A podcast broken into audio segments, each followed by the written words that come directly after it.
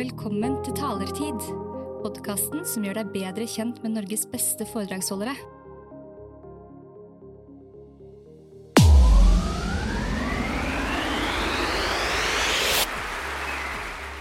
Wow. Arman Westad, jeg har hørt deg si at på et tidspunkt i livet så visste du ikke hva en liter melk kostet, men du visste utmerket godt hva f.eks. et gram gull eller ti gram amfetamin kostet. Stemmer det? Ja, det stemmer det, altså. Fortell. ja, for akkurat uh, i den perioden hvor det her var et relevant tema, så var jeg ganske kriminell.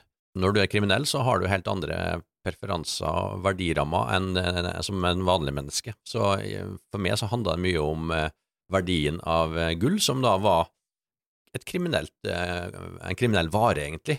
Um, og jeg handla jo aldri melk. Eh, så derfor så visste jeg veldig godt hva verdien av 300 gram gull var, og ikke melk, da.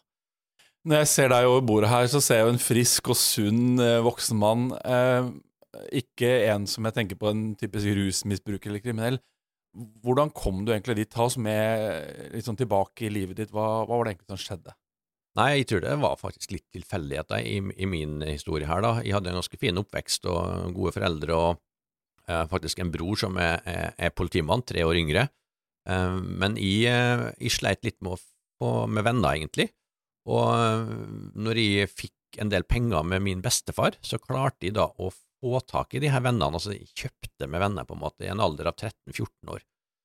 Og den eh, følelsen som jeg fikk da ved å bruke penger, altså det å ha tilhørighet og det å mm, føle at du blei sett og hørt, den tok med meg inn i eh, hva skal jeg si, tidlig voksenliv.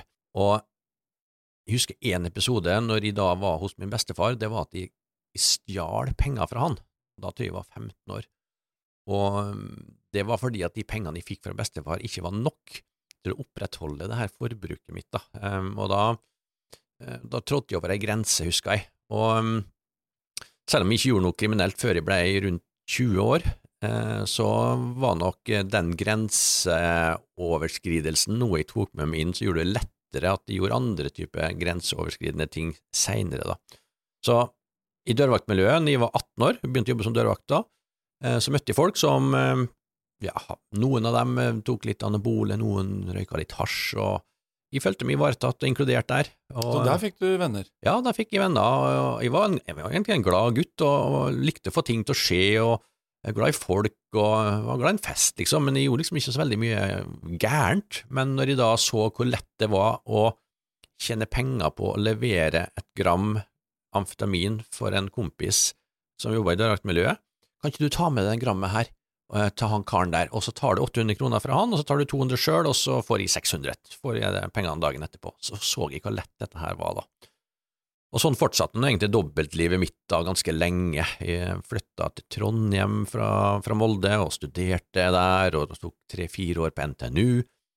Eh, Hadde ja, starta eget selskap, um, og gjorde mange bra ting, men også en del uh, ulovlige ting, da. Um, og til slutt så kom jo politiet på døra, og da blei det her dobbeltlivet avslørt, og jeg flytta til Oslo. Der, der blei jeg rett og slett heltidskriminell på, på fulltid. Nå er vi på slutten av 90-tallet. Ja, da er vi på 97, ja, for å være helt nøyaktig. Ta oss liksom med i hva, hva, hva skjedde i det miljøet? Hva gjorde dere? Hvordan så dette her ut for de som da Hvis vi skal liksom gi noen bilder i hodene til eh, de som hører på. Ja, øh, i begynnelsen så syntes jeg at det var bare artig. Altså, det var, det var fullt trøkk hele tida. Vi jeg sto jo som dørvakt på barokk, og for dem som er på min alder, så husker de jo kanskje barokktida, baron og baronessen og sånn. Eh, Og jeg møtte masse festlige folk, alle var blide og fornøyde de kom der, og øh, jeg var en gladgutt som sagt, og jeg husker at jeg sto egentlig mer øh, inne på dansegulvet. På barokk og dansa enn jeg sto i døra, og brukte også narkotika, da, ecstasy og kokain og sånn, og når eh, nattskiftet mitt var over, så for vi jo på morgenklubber og dansa videre der, og da kunne vi kunne holdt på sånn i tre uker i strekk, egentlig, um, uten å sove. Men altså, det, det var veldig mye moro folk, for du møtte fantastisk mye folk, hele tida nye folk, og alle var, det var alltid en fest å oppdrive, så eh, det var et liv som var fullstendig fritt for ansvar. Det var vel Eh, den sånn rave-perioden, var det ikke det? Med ravemusikk og, og Ja. neonlys og sånt, stemmer det? Virkelig, ja. Det var snekkerbukser, bar overkropp, og så, og så Buffalo, sånne høyplatåsko Um, så det var mye farger og mye lyd. Um, og jeg husker en gang når vi skulle komme ut fra en morgenklubb i, Storgata.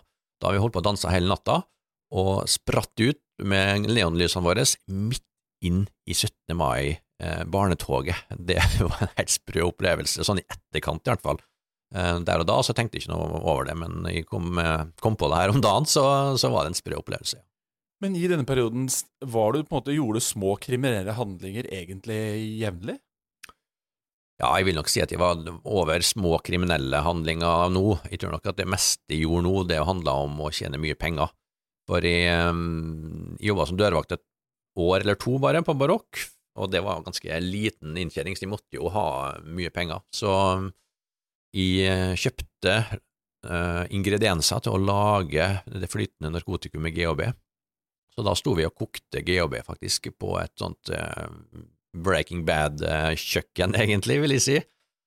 Og um, det var også um, en sånn helt sånn rar greie. Vi hadde på oss masker, da, for at vi tenkte at det, det, måtte være viktig å ha på seg, for det her var kjemisk, sant, så vi måtte passe på at vi ikke fikk i oss noe kjemi fra det her partiet, liksom, så ikke det var noe annet skadelig som gikk inn i kroppen fra før, da, men akkurat det passa vi på.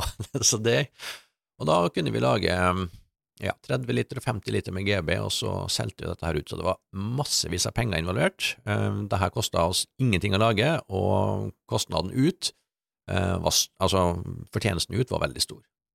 Men i de årene gikk du fri fra politiet da, eller hadde du liksom, ble, var du litt sånn det, en kjenning av politiet, eller hvordan var det? Nei, I begynnelsen så var jeg nok ikke noe kjenning, altså jeg var nok eh, en person som gikk under radaren stort sett. De så nok at jeg var en del av miljøet, men jeg tror ikke de visste at de holdt på med så veldig mye, for da, akkurat på den perioden der så kunne jeg holdt på med 100 gram amfetamin, kanskje eh, 1000 ecstasy og sånn, så det er jo ting som ville gitt meg Eh, et år og to og tre i fengsel, men det var lite da, for da, da klarte jeg å holde meg sånn relativt bra i skinnet. Men etter hvert så begynte dette her å skli ut ganske mye, da. Jeg begynte mer og mer rus for å få samme type opplevelse, og jeg skjønte jo etter hvert også at uh, det her livet hadde en bakside, da. Og etter å ha levd kanskje en tre–fire år kan skal jeg si, på topp, um, som gladgutt så kom nå nedturene oftere og oftere, og jeg tok mer og mer overdoser av GHB spesielt, for det var min, hva skal jeg si, feil å si svakhet, da, men det var det som var mitt dop, da. Jeg brukte ikke heroin eller noe sånt, men jeg brukte aftamin, eh, kokain og GHB, og GHB, da tok jeg overdoser, sju overdoser med GHB i løpet av 14 dager.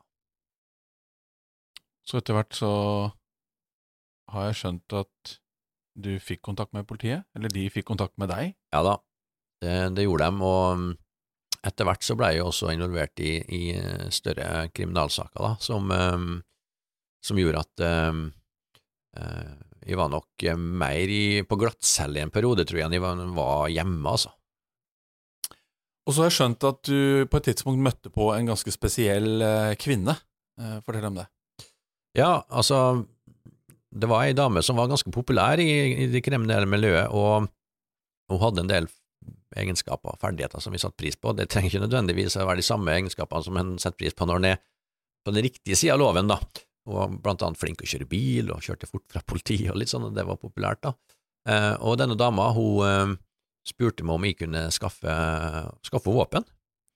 Eh, og det var ikke akkurat hverdagslig, kanskje, men ikke akkurat noe sånn ukjent for meg heller. Og når hun spurte om det, og jeg var, ja, jeg var litt forelska i henne, betatt og hørte på det hun hadde å spørre meg om, så skaffa jeg de her våpnene, og de våpnene, i hvert fall det ene av de våpnene jeg skaffa, ble jo da senere brukt under uh, trippeldrapene på Orderud i, uh, i 99. Så det var uh, Kristin Kirkemo mm. som du traff der? Ja. Hva skjedde så? Nei, altså, det var første gang jeg ble ordentlig involvert i politiet, og nå, nå tok ikke politiet på meg med, med, noe, med noe harelabb lenger, nå ble det ordentlig alvor. Og jeg skjønte jo at eh, Kristin eh, Kirkemo også kom til å snakke meg inn i saken, noe som jeg kanskje sjøl hadde kommet til å gjort hvis de var uskyldige i en sånn sak, eller sånn, så, eh, så jeg forberedte meg på at nå kom jeg til å bli tatt av politiet.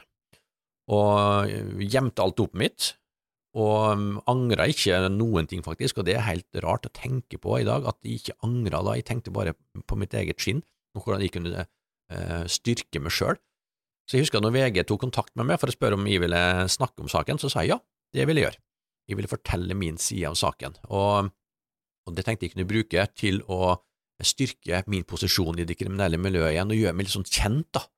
Og det, og det virka eh, veldig bra. Det meste av det kriminelle miljøet visste hvem vi var etterpå det her, men det jeg hadde ikke tenkt over, det var at de var nå blitt en kjent kriminell for politiet også. Så politiet kom oftere og oftere, og med grunn av og til, og av og til uten grunn, og arresterte meg. Eh, og de ødela egentlig, kan jeg si, den kriminelle butikken min. Um, og da hadde jeg ingenting igjen, eh, men jeg fortsatte å ruse meg, og var så nedkjørt i en periode, og så bare et år etter den, kan jeg si, vellykkede markedsføringskampanjen eh, i VG og Dagbladet sånn, så så husker jeg at jeg satt helt eh, på bånn i ei fengselscelle i Bergen og um, vurderte faktisk å bare å ta livet mitt, da, for at jeg var så sliten. Jeg var helt nedkjørt og følte meg fullstendig mislykka. Uh, og jeg var egentlig bare en liten gutt da, som forsøkte å passe inn fra tida på Bolsøya, så satt de der nå. Det var liksom, det var ikke til å begripe, egentlig. Hvordan Du hadde det veldig vanskelig? Ja, ja. Og så kom han ut igjen, da, og så fortsatte det dette low life-livet mitt, da. Eh, men så kom en politimann da, på døra. Og denne politimannen han var jeg vant til å håndtere, eller politiet generelt sett, og jeg likte dem ikke spesielt godt. Men denne politimannen, han, eh, det var noe annet med han, det var noe eget, og han satte ned og, og prata med meg og holdt handa rundt meg og spurte om det var noe han kunne gjøre for meg. For det her så ikke så bra ut, det var vi begge enige om, da. Um, og, det var et øyeblikk i livet mitt akkurat den kvelden, akkurat den minuttene som jeg klarte å ta inn den omsorgen og den kjærligheten som jeg, ikke kjærlighet kanskje, men medmenneskeligheten da, som jeg kjente fra han. Uh, og akkurat det, da skjønte jeg at jeg hadde en verdi. Kanskje det var faktisk noen som brydde seg om meg. Og det var bare i ti minutter, og det hadde liksom den store påvirkninga på meg. Uh, og den samtalen der, det har faktisk senere vist det å, redde livet mitt, da. Fordi Du sitter jo her nå ikke fordi vi skal forherlige din kriminelle historie som uh, rusmisbruker og dørvakt. Uh, vi sitter jo her fordi du har jo valgt å bruke din historie og ditt liv til å kjempe for en viktig sak, nemlig å inkludere folk i arbeidslivet som ikke nødvendigvis er førstevalget. Folk som har en litt rufsete bakgrunn, sånn som deg selv. Du eh, kom deg jo på en måte opp igjen. Kan du si litt om eh, de andre vendepunktene i livet ditt som gjorde at du nå i dag er en normal mann med kone og barn og, og et normalt liv. Hva, når snudde det etter møtet med, med, politimannen? Nei, altså jeg hadde et viktig menneskemøte til, da, og det var med en fengselsinspektør i Molde fengsel som klarte å motivere meg til å Eller hun utfordra meg egentlig til at de skulle bli en sosionom, for at hun så at de likte å hjelpe andre folk, for at de hjalp alle fangene i Molde fengsel med å skrive søknader på, eh, i deres navn, da, eh, noe som jeg aldri innrømte selvfølgelig til hun. Eh, og det, det, møtet var utrolig viktig, for da slutta jeg faktisk å ruse meg. Jeg skulle bli sosionom.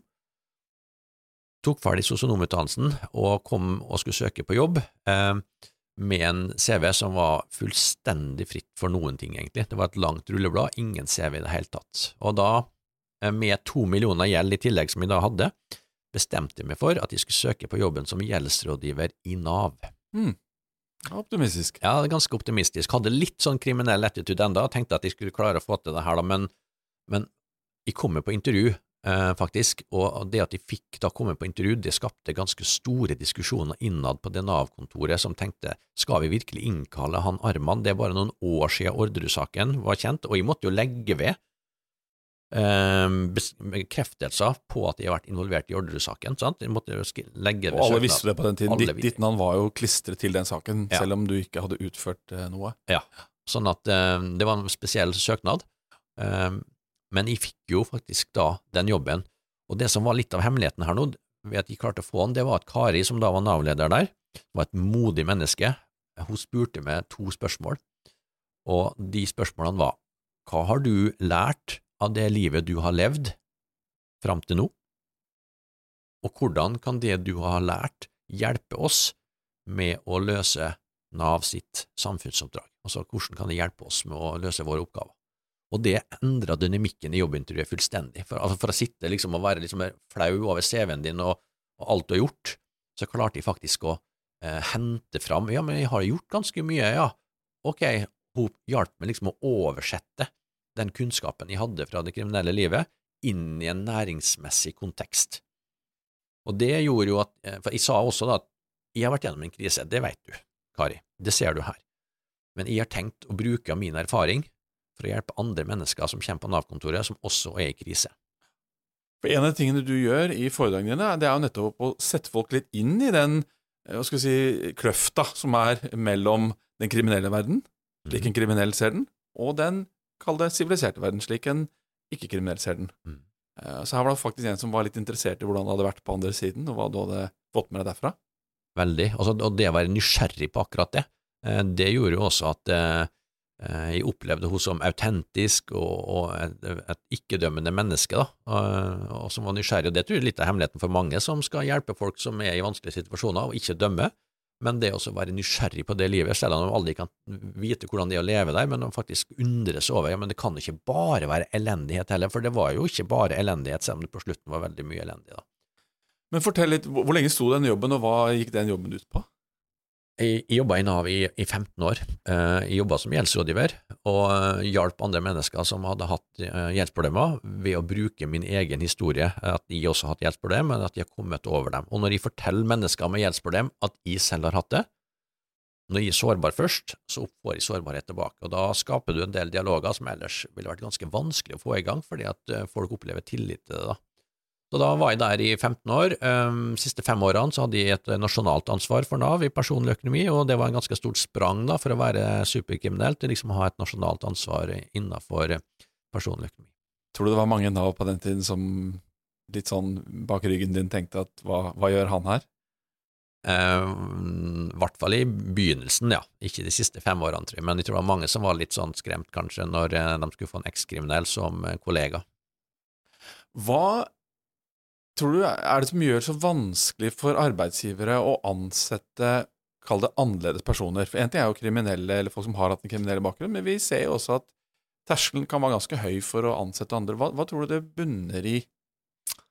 Åh, det er et stort spørsmål, Nils, eh, og jeg har nok ikke alle svarene på det, men det er nok, eh, det er nok mye frykt, tror jeg. Altså, vi er litt redd for hva vi får. Det, eh, når vi ansetter på vanlig måte, sånn som vi har gjort i alle år, så vet vi jo ofte hva vi får, da, og det da å tørre å gjøre noe nytt, um, det er nok litt krevende. Så det starter jo ofte med, um, med at man må prøve å utfordre seg sjøl litt. Og når jeg snakker i mine foredrag, så sier jeg at du skal ikke ansette en med hull i CV-en eller en ekskriminell fordi at du, for dette er, bra for den enkelte, men du gjør det fordi at det kan bli den mest spennende ansettelsen du får noensinne. Fordi at det er lønnsomt for bedriften. Ikke bare at du utvikler mangfoldskompetanse, men du får inn en person som har opplevd noe annet. Og jeg bruker meg sjøl som eksempel, selvfølgelig. Um, og jeg har prøvd å bruke mye tid på å oversette hva det var det jeg lærte meg i det kriminelle miljøet, som, en, eh, som jeg har, er god på i, i vanlig arbeidsliv. Da. Og der, eh, det tror jeg mm, en del ledere kan bli enda bedre og være litt sånn nysgjerrig på folk som har hull i CV-en. Hva er det, hva har du gjort i den tida når du da har skaffa deg det hullet, hva har du faktisk lært? Men krever det noe ekstra hvis man da velger å ansette en person som er litt annerledes enn det man vanligvis gjør? Krever det mye ekstra fra virksomheten? Nei, jeg, jeg tror ikke det gjør det, gitt at den er ekskriminell, er ferdig med det kriminelle miljøet, da. Altså, det eneste som mangler, er at den faktisk ikke får seg en jobb. Så, så kreves det ikke noe annet når du først har fått seg jobb, men det kan hende at du må leite etter de her talentene på andre områder enn å sette inn annonse i Dagens Næringsliv eller noe sånt. Det er ikke sikkert de leser Dagens Næringsliv. Jeg har hørt Steinar Olsen, blant annet, sjefen i Stormberg, han var jo tidlig ute med dette, og jeg har hørt han holde foredrag om hvor stolt og hvor ærgjerrig noen av hans medarbeidere var, som da hadde enten vært på gata og solgt narkotika, eller som hadde drevet med innbrudd. Mm. Eh, og det er helt sikkert mange andre bedrifter i Norge som har samme erfaring. Men hva, hva mer tror du det tilfører et arbeidsmiljø, det å velge å ansette litt eh, utradisjonelt? Oh, det tror jeg faktisk eh, gjør veldig godt. Eh, litt tilbake til min egen historie når jeg ble ansatt i Nav, så tror jeg det var noen som tenkte at eh, den ekskriminelle her skal han begynne å jobbe. Så så de på at de kanskje ikke var så veldig eks, eller at de ikke var så veldig farlig, da, at de var en snill mann som gjerne ville gjøre en, en, eh, en god jobb for dem som eh, oppsøker Nav-kontoret, og det tror jeg har endra holdningene til mine kollegaer også, i hvordan de ser på ekskriminelle, og som gjør at de kanskje har tatt seg litt i at kanskje vi skal se litt annerledes på han andre her da neste gang han kommer på kontoret vårt. Eh, og så er det jo vi må jo innrømme, og mange som har sagt det med etterpå, at det var, det var, litt spennende også da, å få en sånn person som er inn, som er litt mer sånn fargerik, da, for jeg, jeg, har tross alt sett verden på en helt annen måte, og det tror jeg er noe av det aller, aller viktigste, at vi klarer å få inn folk som har opplevd forskjellige ting, og det betyr at du har også mangfold i opplevelser og erfaringer. Jeg sier ikke at du skal ansette folk med bare hull i CV-en, eller bare ekskriminelle heller, men mangfold i seg sjøl tror jeg er viktig. Kunne kanskje blitt litt mye av det gode hvis du har liksom hele fengselet på besøk. Ja. Eh, du har skrevet bok om historien din som kom ut i fjor. Du lever nå av å holde kurs, foredrag og workshops med denne problemstillingen. Og jeg vet at du snakker for grupper både med ledere, du snakker for HR-folk, og du snakker for ungdommer eller andre. Eh, litt sånn generelt sett, hva er det du vil de som lytter til din historie og din erfaring, hva vil du de skal sitte igjen med når de går ut av den salen eller er ferdig med den dagen? Ja, det er ganske klart at, at det er mulig å snu et hvilket som helst liv. At, at det, det En ting er de som sliter allerede, at de får sett eh, at når jeg har snudd livet mitt, som var helt, helt waste, det var bare tilfeldigheter som gjorde at jeg ikke var død, så er det mulig også for dem. Og så um, gjør jeg det også det, at, det her fordi at det, det, er jo en del etter hvert som har klart å snu livet sitt, men ikke så mange av dem som ønsker å fortelle om hvordan de har gjort det. De vil gjerne glemme det livet, derfor så går veldig mye kunnskap tapt. Derfor så ønsker jeg å stå fram med min historie og fortelle akkurat dette her nå, for da vil det bli lettere for de som sliter, å se at det går an å snu, men også for de som er på andre sida, som skal ansette folk som har vært der jeg har vært, eller um, skal være et bedre medmenneske som sliter, og sånn, og, og se at det er faktisk eh, Det er mulig å, å, snu det livet, og det er ikke så ofte så mye som skal til heller, for det kan være en fem minutts samtale, en ti minutts samtale, sånn som denne politimannen hadde med meg, der du faktisk treffer en person på riktig tidspunkt akkurat den kvelden eller den dagen du prater med en, tar en liten samtale, og når du får den opplevelsen av de eh, En sånn prat med noen på butikken eller på, eh, på, på busstopp eller hva enn det måtte være, har potensial i seg til å kunne bety noe for den andre personen som du snakker med. Når jeg klarer å formidle det til 700 stykker som sitter i salen, og de ønsker å gjøre et eller annet annerledes etter å ha hørt på meg, ja, da er det faktisk verdt det at de står der og forteller den historien min gang etter gang etter gang. Mangfold og inkludering er jo uh, har blitt et veldig populært ord og begrep i arbeidslivet bare de siste fem årene. Opplever du at det er en annen temperatur i, i, samfunnet for å snakke om disse tingene og gjøre det, enn det var for ja, bare noen år siden? Ja. Det, Hvordan da? Det, nei, altså jeg, jeg, tror at vi har blitt hjulpet litt av pandemien som har vært at eh, vi ser at folk har opplevd ulike kriser, at det er mye mer forståelig. Altså det var liksom, Plutselig så var det enkelt å rekke opp hånda og si at jeg har dårlig råd for at jeg er permittert, og så var det liksom ja, men det skjønner vi, for alle har et forhold til det nå. Eh, så det å bry seg om andre, eh, også dem som ikke har det så bra, det, det ser jeg en klar endring på, og at folk ønsker å rekruttere også på en helt annen måte, det ser jeg en klar endring på. Og så tror jeg det også dreier seg litt om at vi faktisk ikke har nok folk til å ansette folk i, i bedriftene, slik at de som står litt utafor, kan få litt drahjelp av det. Så jeg tenker vi må utnytte det mulighetsrommet nå til å få folk som er utenfor arbeidslivet, som kanskje normalt sett ikke vil kunne kommet inn, som nå kan komme inn fordi at vi faktisk trenger dem. Og så får de sjansen til å vise at de er fantastisk gode arbeidstakere, takknemlige, lojale, kunnskapsrike og flinke folk. Forhåpentligvis så er det en leder eller en personalsjef eller en HR-leder som lytter til dette nå. Har du noe råd som du kan gi når det gjelder å få fart på og virkelig få til dette med mangfold og inkludering på en arbeidsplass? For det er jo et lederansvar å ta de beslutningene.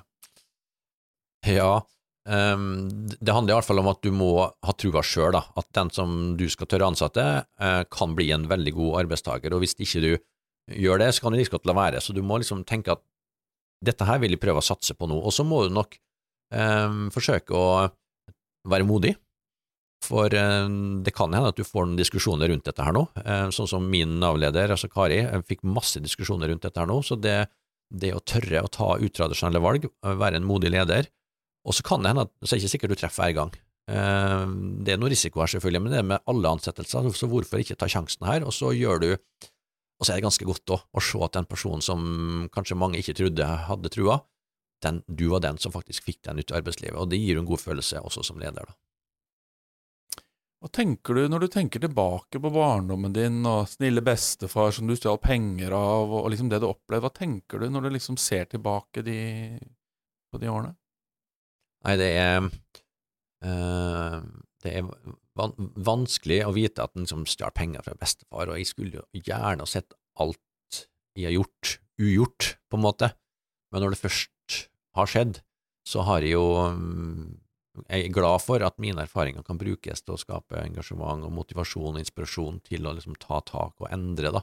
Og, mm, ja, og min motivasjon ligger jo å hjelpe folk som sliter, så det, det føler jeg at de har At de får tatt ut nå, da. Takk for at du lytter til Talertid. Du kan lese mer om denne episodens gjest på talelisten.no. Har du spørsmål eller ønske om en gjest vi bør snakke med? Send en e-post til nils at talelisten.no. Talertid. Bak scenen med Norges beste foredragsholdere.